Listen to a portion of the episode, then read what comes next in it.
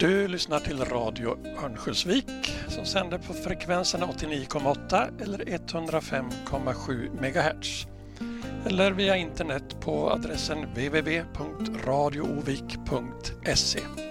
Och programmet som följer strax är Sommarpratarna som produceras av Radio Nolaskogs. Och dagens sommarpratare är Mikael Nilsson. Och vi säger ett varmt välkommen till dig Mikael att berätta för oss och spela din musik.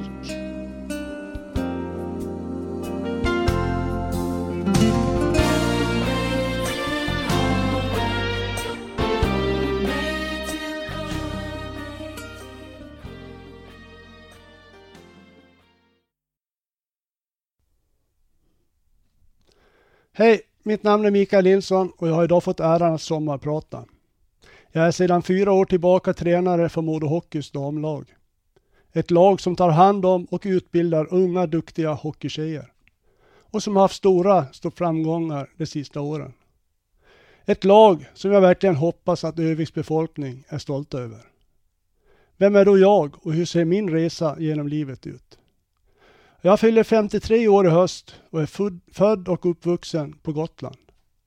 Jag har under mina 23 säsonger som hockeytränare varit verksam endast i två föreningar, Modo och Örnsköldsvik Hockey. Från sexåriga killar i Modos 93-lag till 30-åriga gubbar i Övik Hockey. Och nu tränar jag alltså tjejer i Modo Dam. Jag har också hunnit med att vara ungdomstränare i Hägglunds fotboll under tio år. Som ni märker så har mitt liv handlat om sport och framförallt hockey. Jag ska i mitt program delge er min resa från Gotland via Karlskoga till Örnsköldsvik. Och längre fram i programmet ger en inblick i hur jag ser på tränarrollen i olika åldrar. Jag har själv alltid varit väldigt aktiv och än idag så försöker jag träna fyra fem pass i veck veckan. Som liten kille så var jag en riktig hare. Jag ville inte skrivas in i skolan eller gå till tandläkaren. Och när man skulle sova borta så fick mor eller far komma och hämta mig. Jag minns en gång när vi var på klassresa i fyran på Fårö, norr om Gotland. För att ta sig dit så åker man bil och bilfärja i cirka två timmar. Allt gick bra fram till dess att vi skulle gå och lägga oss på kvällen. Jag totalvägrade. Jag skyllde på att jag var sjuk. Mamma fick komma upp och hämta mig för att på morgonen efter skjutsa upp mig till samma plats igen. Hur skulle det gått utan mamma?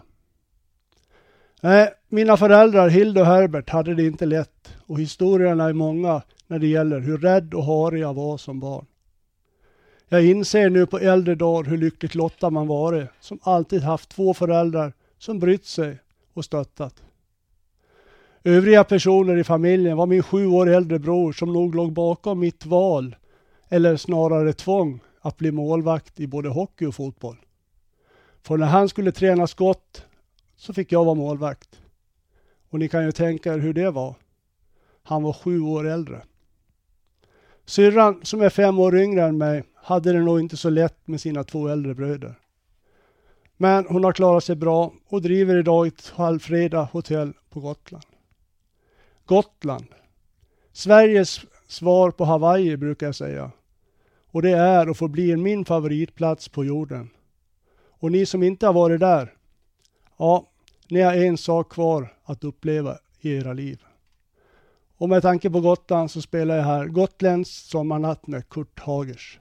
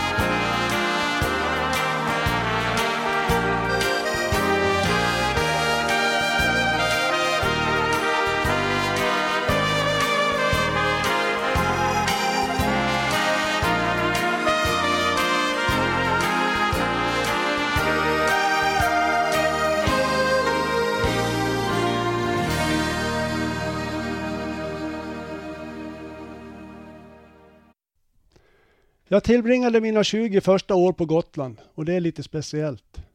Eftersom den invaderas av flera hundratusen turister varje somrar. Somrarna är fantastiska och det är hålligång i Visby varje kväll. Och under resten av året så är det väldigt lugnt och skönt. Under min uppväxt så höll jag på med en massa utav sporter. Jag älskade att tävla och när kompisarna inte orkade vara med längre så hittade jag på egna tävlingar där jag tävlade med och mot mig själv. Till slut så var det hockeyn som blev nummer ett och jag debuterade i Visby AIKs A-lag i division 3 redan som 14-åring.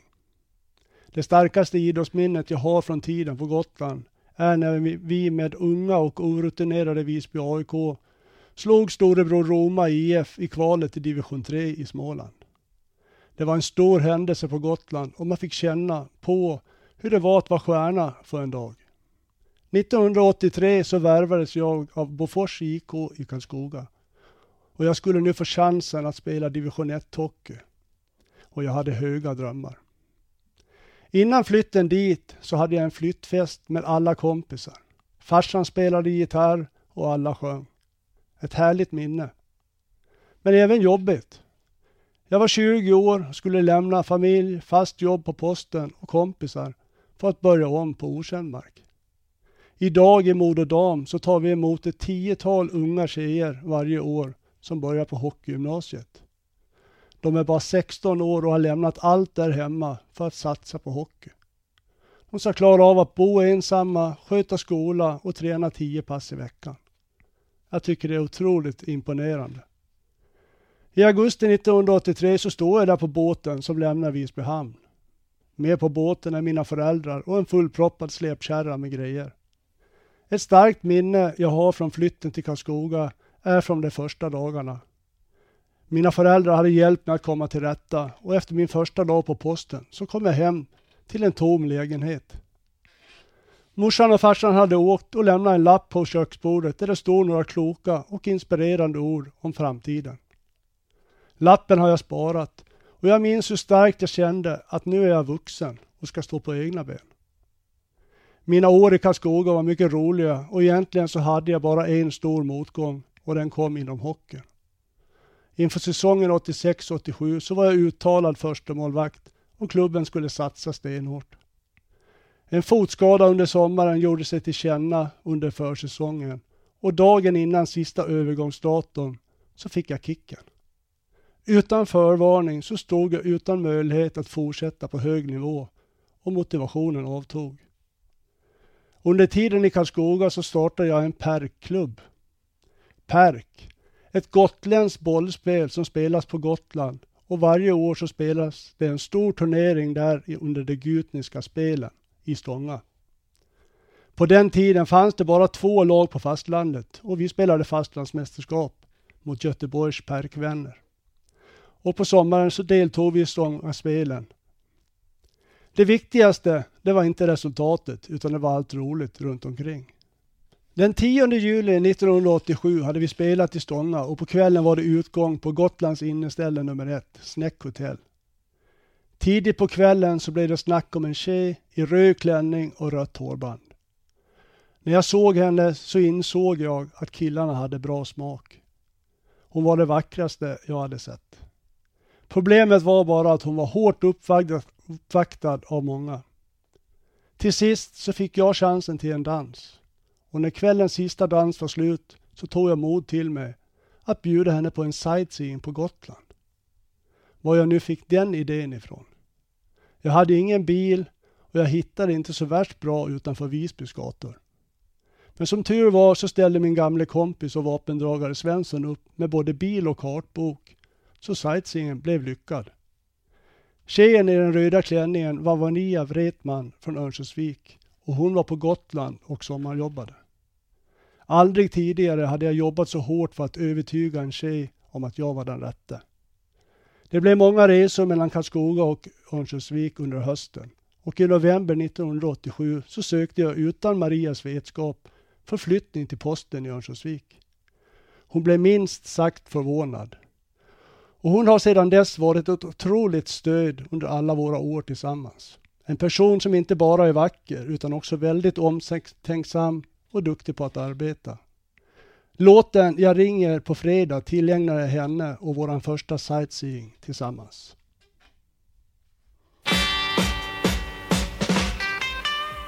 I förra veckan träffade jag i parken på en dans en söt och näppen flicka.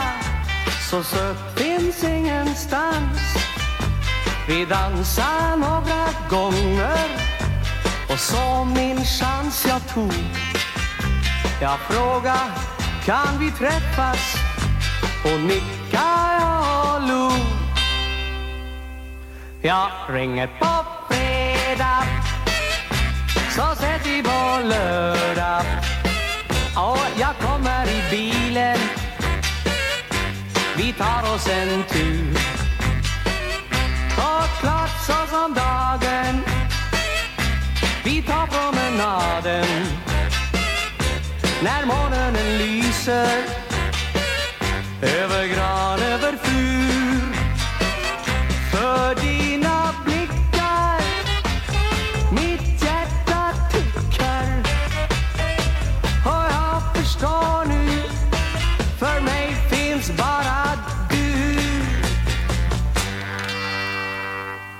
Jag ringer på fredag. Så ses vi på lördag. Och jag kommer i bilen. Vi tar oss en tur. Och dagar gick och dagar kom. Jag såg ej till min vän. Jag tänkte att kan hända? Vi ses ej mer igen. Men så en kväll i parken Vi möts igen vi två. Och kan ni kanske gissa Vad hon då nynnar på? Jag ringer på fredag Så ses vi på lördag. Och jag kommer i bilen Vi tar oss en tur så som dagen. Vi tar promenaden. När månen lyser. Över gran, över fur för dina blickar. Mitt hjärta tickar. Och jag förstår nu. För mig finns bara du. Ja, ja, men sa jag ringer på fredag Så ses vi på lördag Jag kommer i bilen vi tar oss en tur Det är alltså snart 28 år sedan jag bosatte mig i Örnsköldsvik. Jag hade fått förflyttning till posten i Övik och där är jag kvar än idag och jobbar i dagsläget halvtid. Det är jag mycket tacksam för att du låter mig göra. Det starkaste avtrycket jag gjort på posten är nog när jag delade ut post i Kroksta med skridskon på fötterna. Det uppmärksammades ju till och med i rikspressen.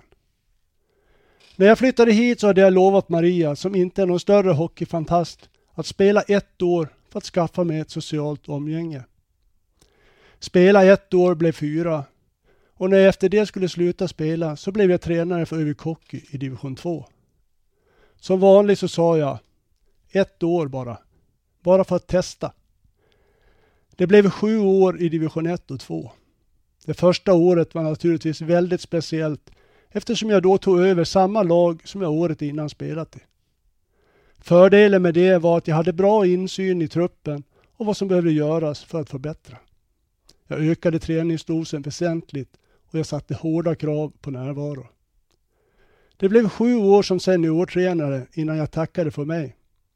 År där vi slog storlag som Skellefteå och Timrå och var nära en playoffplats till elitserien.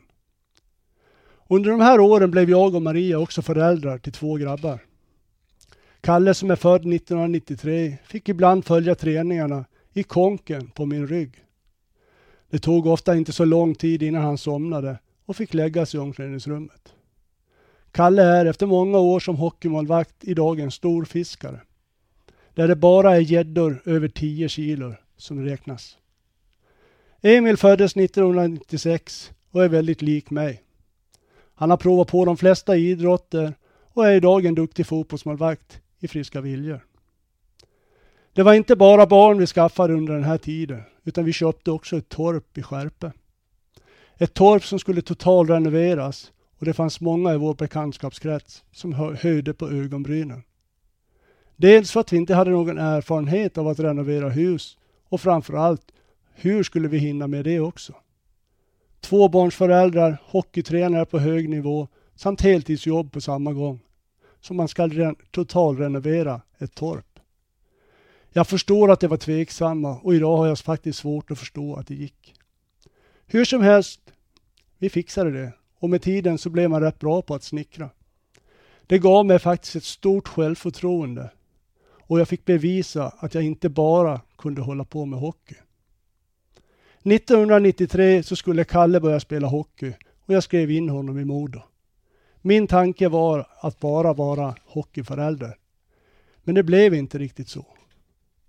Och nästa låt, Byns enda blondin, är ju lite grann kopplat till mitt arbete på posten.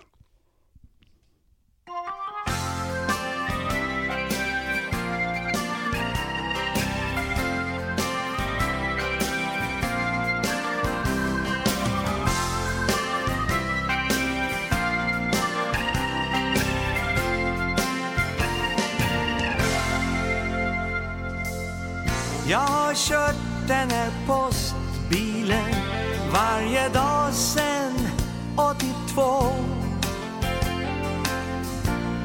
Ibland kan det regna men idag är himlen blå. Jag bär på ord och tankar på siffror, löften och svek. Som en bibliotekarie livets bibliotek. Jag bär på vykort till fru Hansson en faktura från någon som blir blåst och en postorder för vi som är stämplad i Borås. Ett paket till lilla Jenny och en tipsvinst så veckans vackra kärleksbrev till byns enda blondin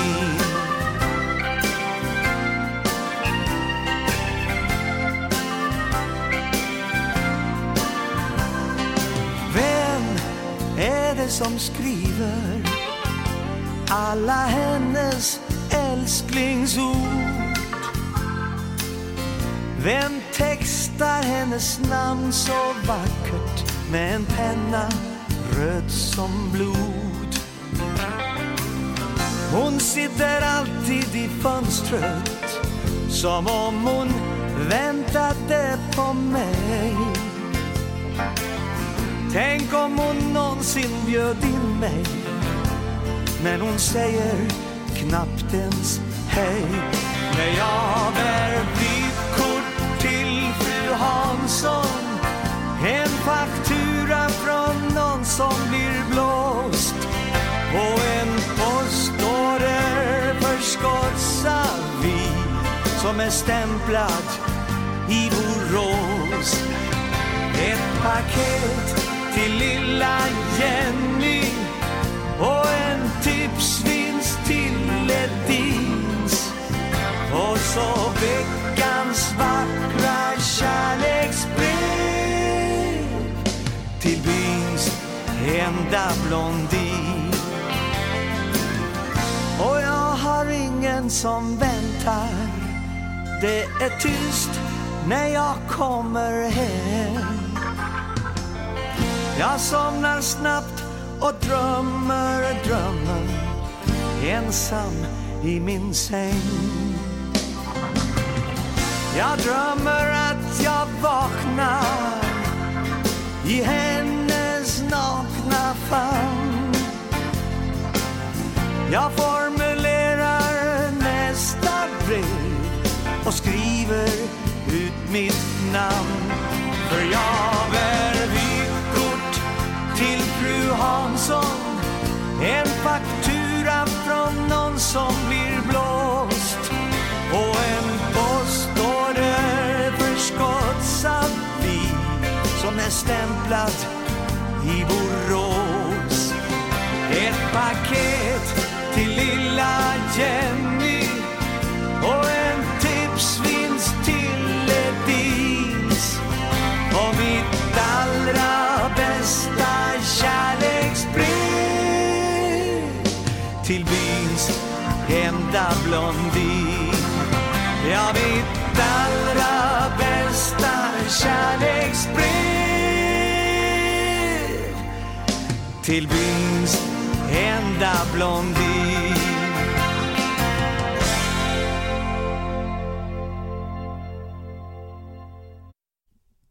Sture Andersson var ungdomsansvarig i Modo och han tyckte att jag skulle träna 93orna. Jag svarade att om inte du hittar någon annan så ställer jag upp. Naturligtvis så ringde han dagen efter och sen var jag fast igen. Från att ha varit seniortränare så skulle jag nu träna killar som var sex år. Det var härliga år där vi gav alla chansen utifrån deras förutsättningar och jag höll stenhårt på de regler som vi bestämde på föräldramötena. Om man har klara regler på hur träningen ska bedrivas och hur man ska matcha utifrån klubbens policy så är det enkelt att vara ungdomstränare. Men då måste du också klara av att bemästra tävlingsdjävulen i dig. Låter du den ta över och du börjar toppa, då är du körd. Just den öppenheten mot spelare och föräldrar har jag jobbat med under mina år som ungdomstränare i Modo och Hägglunds fotboll. Och jag vågar påstå att det har varit uppskattat. De gånger som jag själv tappat humöret under, under de här åren är när lag och föreningar hela tiden ska använda överåriga spelare och dispenser. Det missgynnar de spelare som har rätt ålder och ofta så får de överåriga spelarna spela mest. Jag gillar det inte alls. Det fanns tillfällen då föräldrar och andra ledare tyckte att jag var onödigt diplomatisk. Men jag höll stenhårt på policyn. Vi hade många framgångar med lagen, både i fotboll och hockey. Men det är inte det jag bär med mig mest, utan det, sam det samtal jag hade med de föräldrar till de barn som saknade talang eller inte hade någon talang alls. När de säger till mig att jag fått deras barn att fortsätta spela längre än de vågas hoppas på, då blir man stolt. Jag minns en hemmacup när grabbarna var nio år och vi spelade tvärs över isen. Vi skulle spela final mot Lidingö. De kom upp med åtta utespelare och en målvakt av en trupp på 64 stycken. Vi spelade kuppen med två jämnstarka lag och hade ett fast schema hur vi skulle matcha. Vi ledde finalen med 1-0 i halvtid och bytte då ut några av våra bästa spelare. För så hade vi bestämt. Vi förlorade med 6-1 och Lidingö fick fyra. Men vi hade inga grinande barn eller förbannade föräldrar som gick hem. En bra tumregel som ungdomstränare tycker jag är att om laget vinner och en spelare går hem gråtande för att han eller hon inte fått spela, så har du som tränare misslyckats. I ungdomsåren ska alla spela och känna sig delaktiga. Tyvärr så avslutades dock min tid med Modos 93 tråkigt. Inför det sista året då man spelar Modo Cup och SM-spel så fick jag inte vara kvar. Eftersom jag hade huvudansvaret som föräldratränare och det inte funkat för årgången innan så fick jag sluta. Det kändes inte bra. Eftersom vår grupp alltid har funkat och vi hade sett fram emot det här sista året. Istället fick jag följa deras matcher från läktaren utan att kunna påverka. Alla andra ledare runt laget fick vara kvar. Men jag som lagt ner hela min själ i laget fick inte vara med.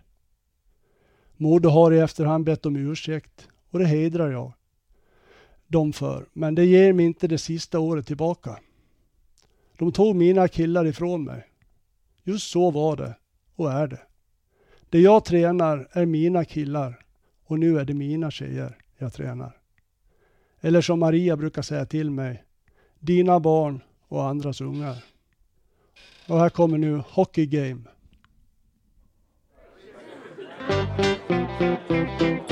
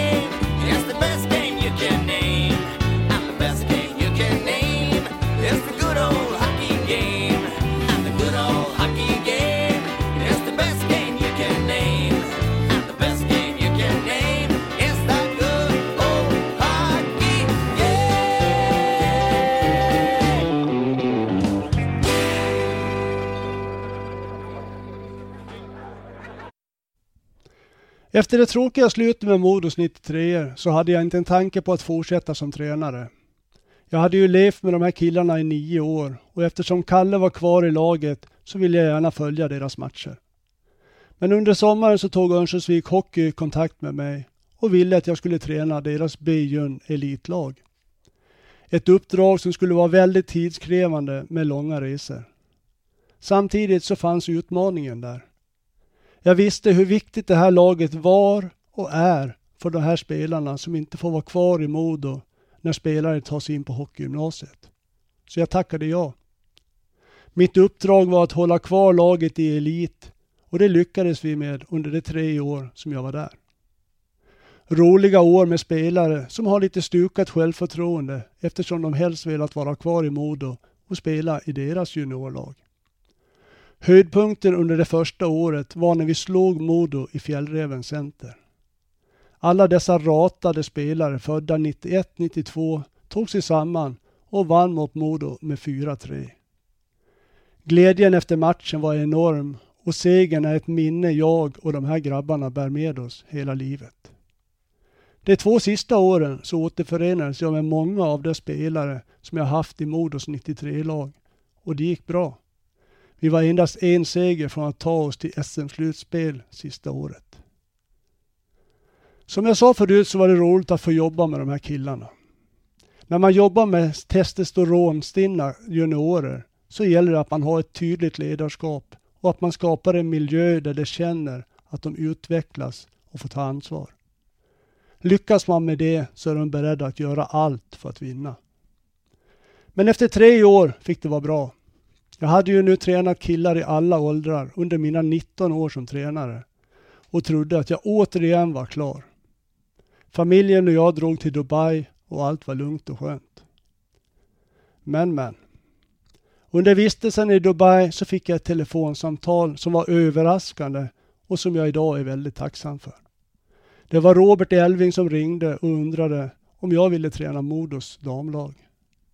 Min spontana reaktion och även Marias var, ska jag träna tjejer? Jag hade ofta klagat på att tjejerna tog istid och inte höll så hög nivå.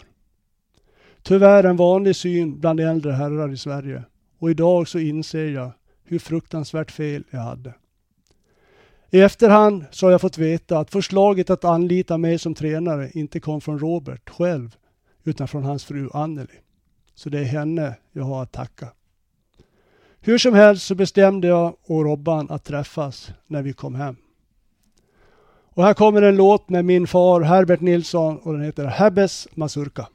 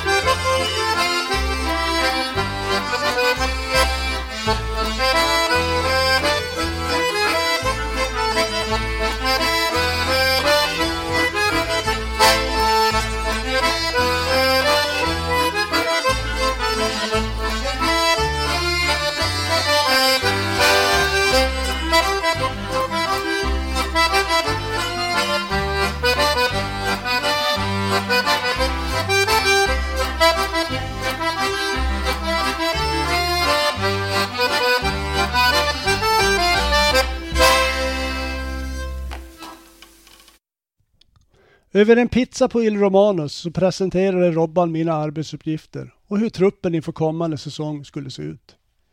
Robert Elving är sportansvarig för damlaget och huvudansvarig för tjejernas hockeygymnasium. Modo Dam hade aldrig varit där de är idag om inte Robban vikt sitt liv åt tjejerna. Och han är värd att få sitt namn skrivet på en egen vägg i Fjällräven center. Han förklarade att många spelare skulle lämna och att jag nu hade chansen att starta med en helt ny grupp. I jämförelse med mina tidigare uppdrag så kändes det här som en helt ny värld. Så det behövdes inte så mycket övertalning innan jag tackade ja. Jag gillar ju utmaningar och det här kändes spännande. För att skapa mig en bra bild över läget så pratade jag med gamla damtränare samt spelare. Och det första jag gjorde var att ta kontakt med min svägerska Anna Sjöblom som vunnit både SM och VM-guld i innebandy. Hon gav mig viktig information om hur det funkar i ett damlag på hög nivå och vi hade några möten med spelarna där vi tillsammans satte regler för hur laget skulle uppträda. Den andra viktiga detaljen som jag la mycket fokus på var fysiken.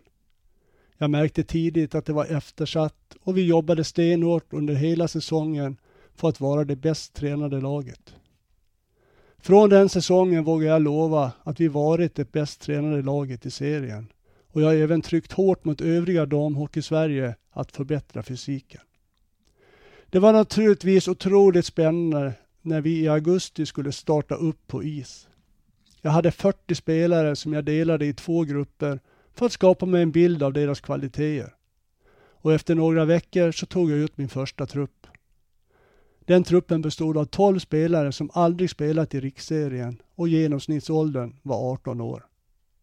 Stummen bestod av 5-6 spelare som varit med under många säsonger men ändå bara var runt 20 år. Vi tränade hårt och försökte hela tiden att utveckla och lära oss. Det jag upplevde som svårast i början var tillgängligheten till spelarna före och efter träning. Man kan inte bara klampa in i omklädningsrummet hur man vill, för då blir man inte långvarig som damtränare. Utan ska man prata med laget eller enskilda spelare så måste man planera lite mer.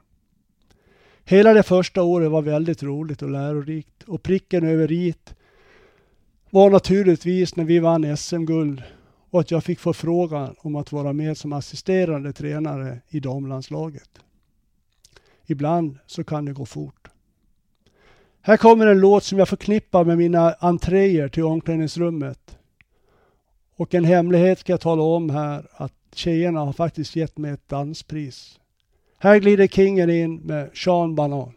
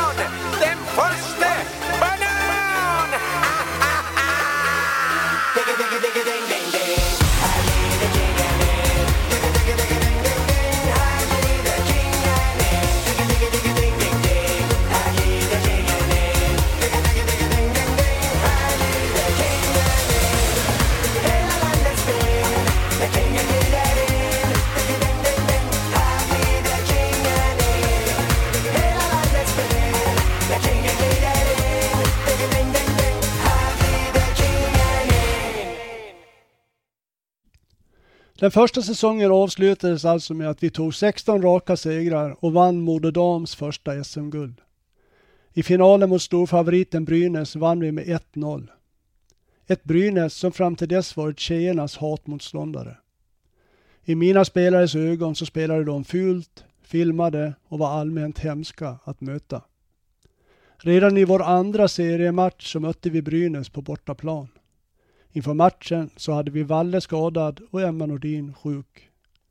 När jag inför matchen kollade uppvärmningen så var min första tanke att vi kommer att förlora med tvåsiffrigt. De såg riktigt bra ut.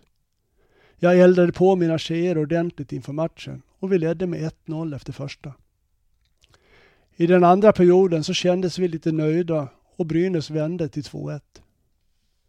Det jag gjorde i den periodposen tror jag, hade en stor, tror jag att vi hade stor nytta av i vår resa mot guldet. Jag kände att tjejerna var nöjda och inte var beredda att utmana fullt ut och jag bestämde mig för att höja deras ribba. Jag höll ett brandtal under hela periodsvilan om att vi skulle våga utmana och vända matchen. Innerst inne så trodde jag inte på det själv, men jag ville att de skulle våga och tro på det. Vi gjorde en heroisk insats i sista perioden, men lyckades tyvärr inte att kvittera, utan Brynäs vann med 3-1. Men tron på oss själva växte och när vi i december månad slog dem med 2-1 efter straffar så hade vi ett psykologiskt övertag på dem. Det var där vi startade vår segerrad. Men mycket utav grunden lade vi i den andra matchen. Att få vinna ett SM-guld, det var helt fantastiskt. Och att sedan först bli hyllade i fjällreven när vi kom hem och senare få fanan hissad i taket under en elitseriematch var helt underbart. Jag som skulle sluta stod nu med ett SM-guld runt halsen och inför nästa säsong så skulle jag få vara med landslaget som assisterande tränare. Det kändes nästan för bra för att vara sant. Nycklarna till att vi vann SM-guldet var att vi hade en fantastisk målvakt i Valentina Litsana. Vi var det bäst tränade laget. Vi införde hård backcheck av alla fem, vilket var nytt i damhockeyn. Vi hade ett lag med många vinnarskallar samt en bra gruppdynamik. Vi var bäst. Och här kommer We Are The Champions med Queen. I've paid my dues time after time. My sentence, but committed no crime. And bad mistakes, I've made a few. I've had my shells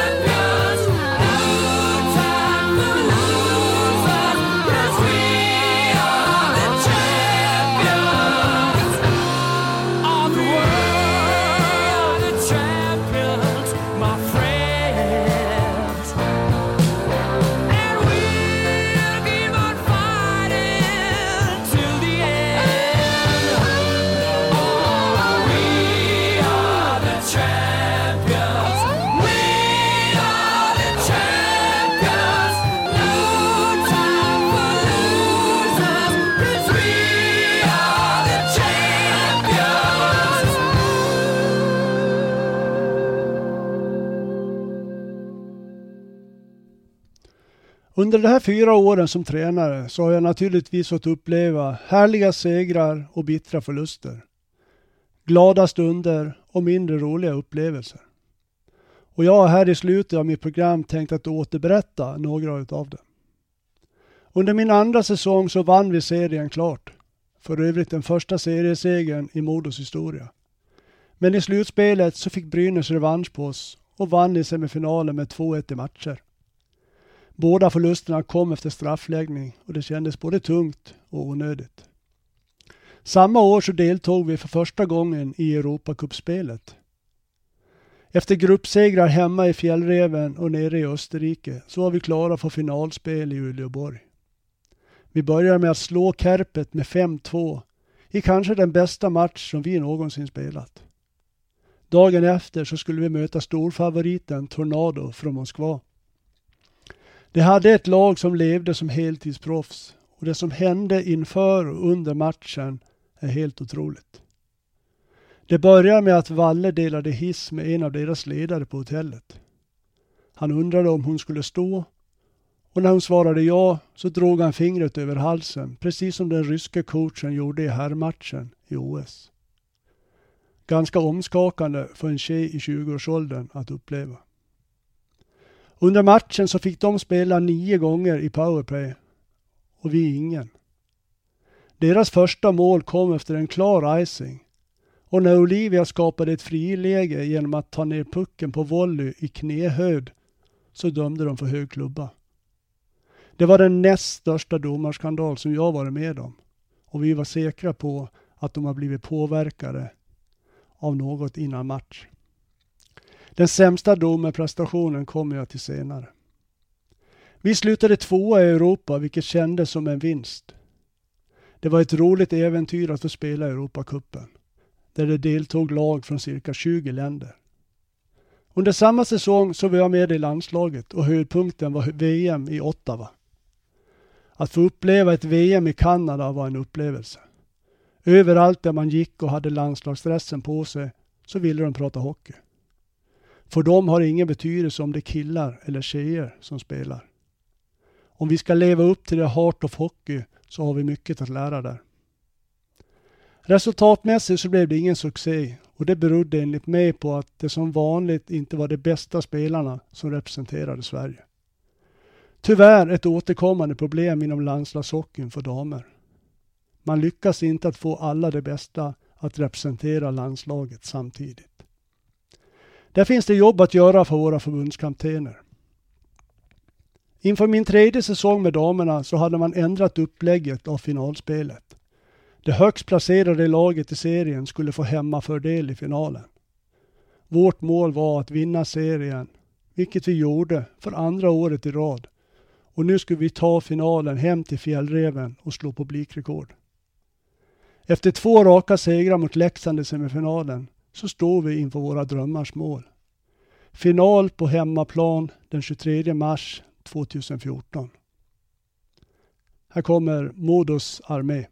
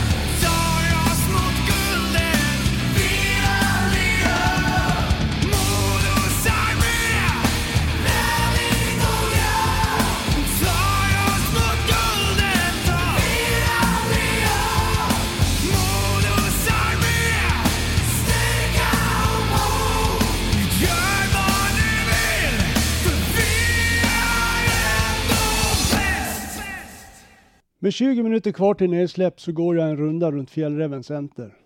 När jag kommer till framsidan och ser köer på 50 meter till insläppet så blir jag rörd.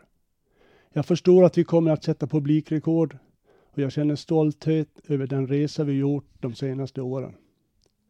Vi har lyckats att få 3600 personer till vår final och när pucken släpps så är det bra drag på läktarna. Inför sista perioden så leder vi med 2-1 efter två snabba mål av Maria Lind. Linköping kvitterar tidigt i sista perioden och resultatet står sig matchen ut. När sju sekunder återstår så drabbas vi av en olycklig utvisning, vilket innebär att vi ska spela tre mot fyra när förlängningen börjar. Vi ser då vår chans att använda regeln spel med felaktig utrustning. Vi påpekar för domarna att Linköpings målvakt spelar med en så kallad cat eye mask, vilket inte är tillåtet bland damspelare och killar upp till 18 års ålder. Masken har öppningar som är större än 5 cm, vilket innebär stor skaderisk. Yngre killar och dammålvakter använder masken trots att de vet att den är förbjuden. Därför att de kan se bättre med den. Och de slipper då en extra gallerbåge som finns på de godkända maskerna. Våra målvakter har också velat spela med dessa masker, men vi har förbjudit dem. Tyvärr för mig och framförallt mitt lag så mäter domarna masken med ett klubblad, vilket kan variera från 4,5 till 7 centimeter. Om de mätt masken med måttband eller tumstock, som man skall göra enligt regelboken, så hade vi fått spela tre mot tre i förlängningen. Kontentan blir att vi får en utvisning till och får spela tre mot fem och då avgör Linköping finalen. Tiden innan förlängningen, då jag ska förklara för tjejerna om vad som hänt och efter matchen, är fruktansvärda. Jag får stå till svars emot pressen först och efter matchen har jag och Robban ett långt möte med moderledningen. Mötet tar sån tid att jag inte ens hinner träffa alla tjejer innan de har gått hem. Det är den värsta upplevelse jag någonsin varit med om inom idrotten. Jag kan förstå och ta den kritik som riktas mot mig när det gäller sportslighet. Men jag följde bara regelboken och jag tog beslutet för att hjälpa laget. Men när nu domarna gjorde fel så straffade det vårt lag. Vi fick inte chansen att vinna guldet. En dryg månad efter finalen så skickade domarchefen ut ett pressmeddelande där han erkände att domarna gjort fel vid mätningen av masken. Att använda regeln spel med felaktig utrustning var ganska vanligt för några år sedan. Då handlade det oftast om att mäta hooken på tre klubborna och bland annat så vände och vann Montreal Stanley Cup-finalen 92-93 mot Los Angeles efter att ha mätt en klubba och fått fördel av ett PP. Efter debaclet i finalen så ändrades regelboken och man kan idag inte åberopa den regeln i Sverige. På något sätt ska man ju bli historisk. Dagarna efter finalen var fruktansvärda och jag kan inte i ord förklara hur mycket jag då uppskattade min familj och närmaste vänner för deras stöd. Det som var och skulle bli en fest slutade istället i antiklimax, där jag var den stora syndabocken, idioten med mera. Jag berättar det här idag därför att det är så många som inte förstod vad som hände under själva finalen. Och jag vill poängtera att jag aldrig var ute efter att få till något omspel, utan jag ville bara få upprättelse och förklara för alla vad som egentligen hände och varför jag tog beslutet. Dagen efter finalen så samlade vi tjejerna och förklarade vårt handlande och stämningen var mycket tryckt. Det fanns så mycket känslor och varför. Jag var då helt inställd på att jag gjort mitt i Moderdam. Men så blev det som tur var inte. Klubben och tjejerna förlät mig och när tjejerna på avslutningsfesten några dagar senare kom upp från undervåningen och sjöng Hej Micke, du är helt okej okay, Micke, hej Micke och kramade mig. Då kändes det fantastiskt. Jag lovar att det är ett ögonblick jag kommer att ha med mig till den dag jag sluter mina ögon. Här kommer nu den låten och jag minns tillbaka på denna väldigt speciella händelse i mitt liv. Hej Mickey med Carola Häggkvist.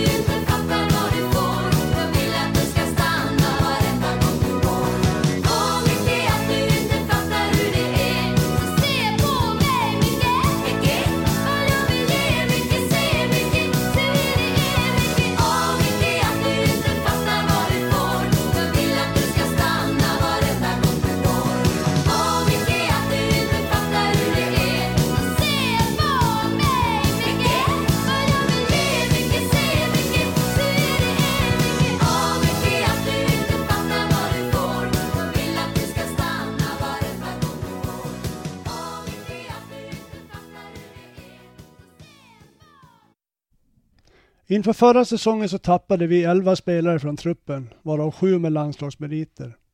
Jag och Björn var tvungna att starta om med ett nytt gäng.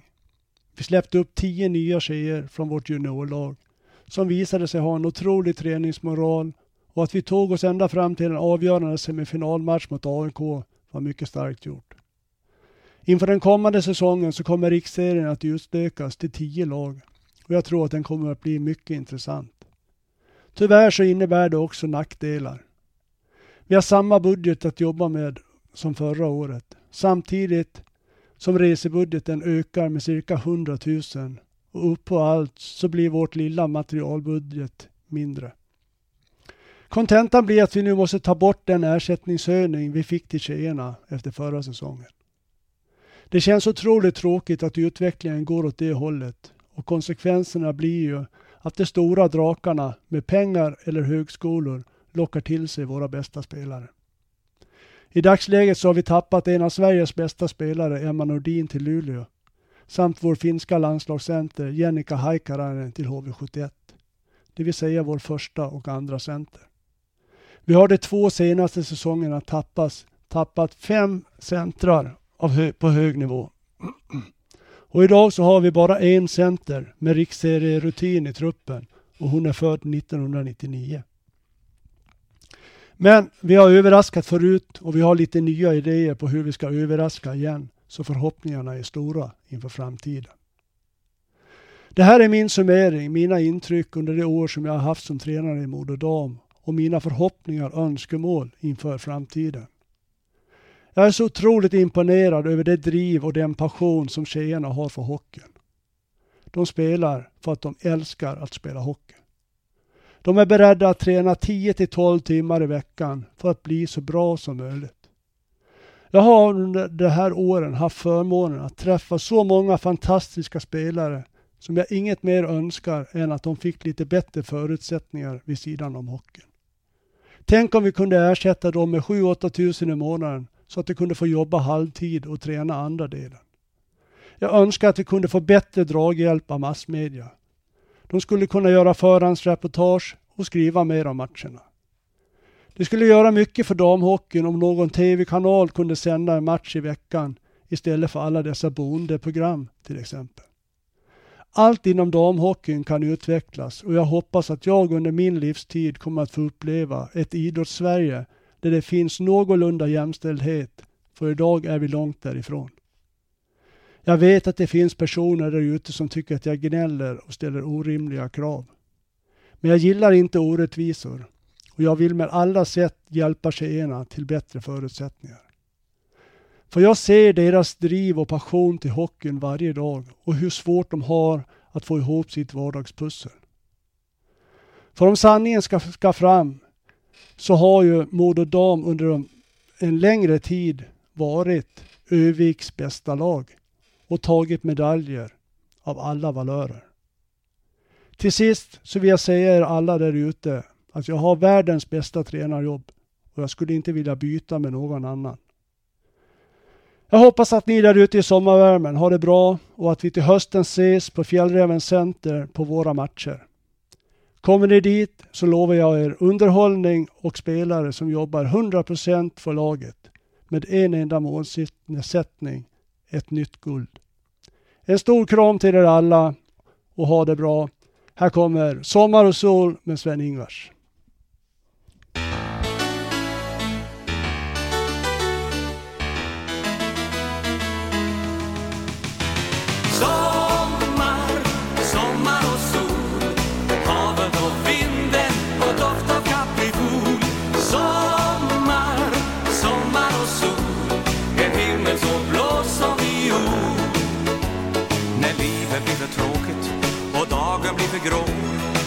Har jag till ett eget litet knep En fånig liten ramsa som jag hittat på Som handlar om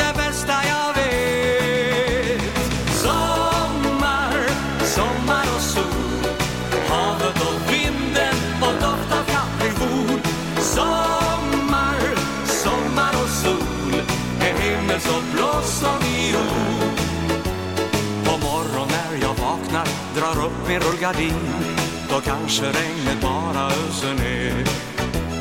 Då blundar jag och nynnar på en melodi Som handlar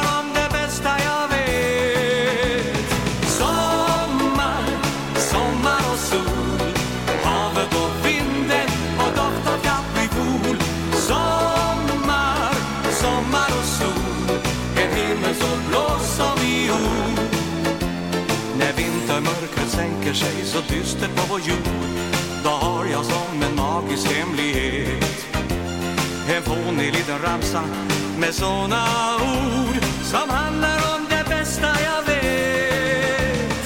Sommar, sommar och sol Havet och vinden och doft av kaprifol Sommar, sommar och sol En himmel så blå som